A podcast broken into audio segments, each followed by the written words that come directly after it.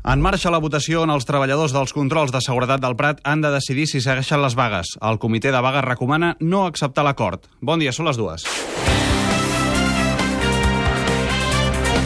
Catalunya migdia. Amb Carlos Baraibar.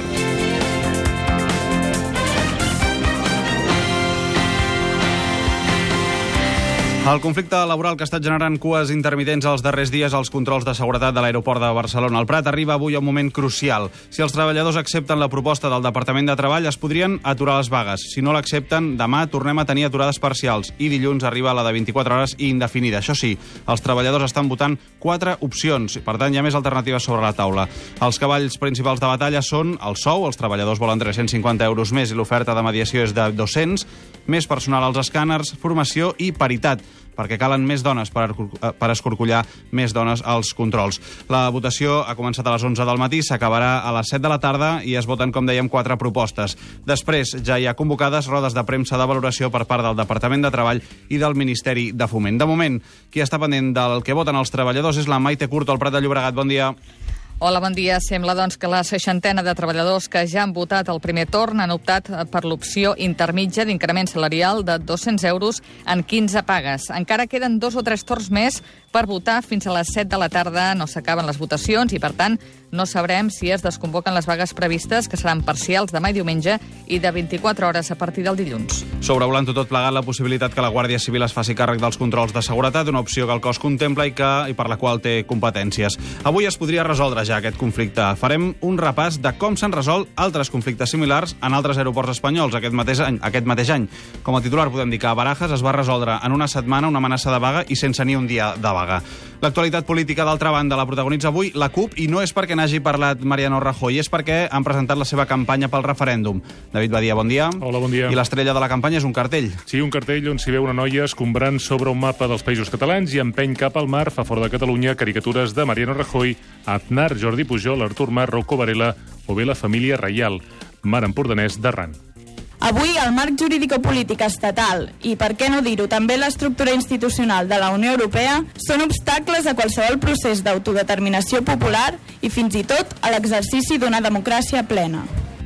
I avui que sembla que ha refrescat de veritat a Catalunya us portarem un informe publicat a la revista Environmental Health Perspective que diu que l'estat espanyol i la conca mediterrània són, després de la Xina, les zones del món més susceptibles a les onades de calor. Un estudi que també apunta que en els dies de calor més extrema la mortalitat pot augmentar entre un 10 i un 20%. De l'actualitat internacional, pendents de França, on encara no s'ha pogut interrogar el sospitós d'haver atropellat ahir un grup de militars a París, que va deixar sis ferits.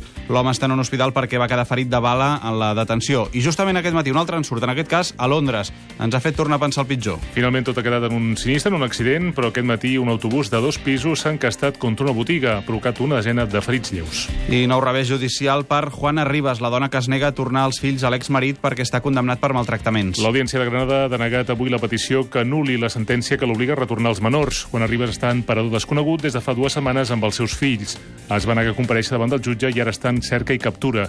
Ella tornarà a portar el cas al Constitucional. La troballa d'un crani a Kènia de fa 13 milions d'anys pot ajudar a explicar com eren els avantpassats comuns dels simis i els humans. Es tracta d'una espècie desconeguda fins ara. Salvador Mollà, cap del grup de primatologia de l'Institut Català de Paleontologia Miquel Cruzafont, escombra cap a casa i, tot i admetre que és molt important, recorda que la Laia, localitzada a Catalunya el 2015, estaria més a prop d'aquests avantpassats comuns.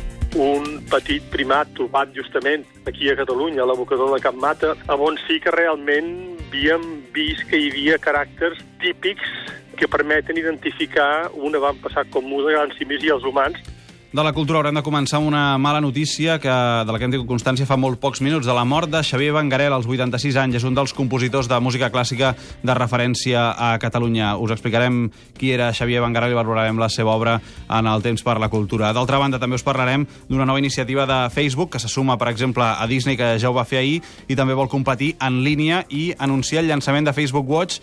Oferirà sèries i programes originals produïts tant per membres de la mateixa xarxa social com per professionals. Entre els primers programes hi haurà un espai exclusiu de cuina protagonitzat per nens, també comèdies i transmissions esportives. La plataforma engegarà amb centenars de canals i compartirà la meitat dels ingressos amb els creadors. I us parlem també d'un final feliç de la vaca Margarita. Es va fer popular, si us recordeu, quan es va saber que l'havien de sacrificar perquè no tenia documentació, tot i que no era un animal destinat al consum. Una campanya impulsada pels animalistes la va salvar. Avui ha rebut l'indult definitiu. Doncs sí, perquè encara calia una qüestió, era saber si tenia alguna malaltia. Les anàlisis veterinàries confirmen que la vaca Margarida està bé i pot conviure amb la resta d'animals a la instal·lació de Marçà, al Priorat, on la van traslladar. I avui en el temps dels esports, quan passin 10 minuts de dos quarts de 3, serà el dia d'obrir amb el Mundial d'Atletisme, perquè avui, i és el dia, si és que hi ha algun dia que hi ha opcions, que l'atletisme català té opció de medalla. Totes les esperances posades en Adel Meixal, també competeixen Marc Alcalà i Esther Guerrero. Josep Anton Aïsa, bon dia. Bon dia. Més hi ha sèries eliminatòries de 1.500, com deies, amb Meixal i Marc Alcalà. Esther Guerrero, que disputarà les sèries de 800, però la jornada inclou finals, 200 llisos i triple masculins i els 400 tanques femenins. En futbol, l'Espanyol ja és a Nàpols. Aquest vespre a les 9 juga partit amistós. El defensa central brasiler Naldo és a Barcelona, passant revisió mèdica. Compàs d'espera a veure què passa amb Gerard Moreno. El Villarreal el podria repescar. I el Girona confia a tancar la incorporació de Marc Muniesa al defensa de l'Stoke City.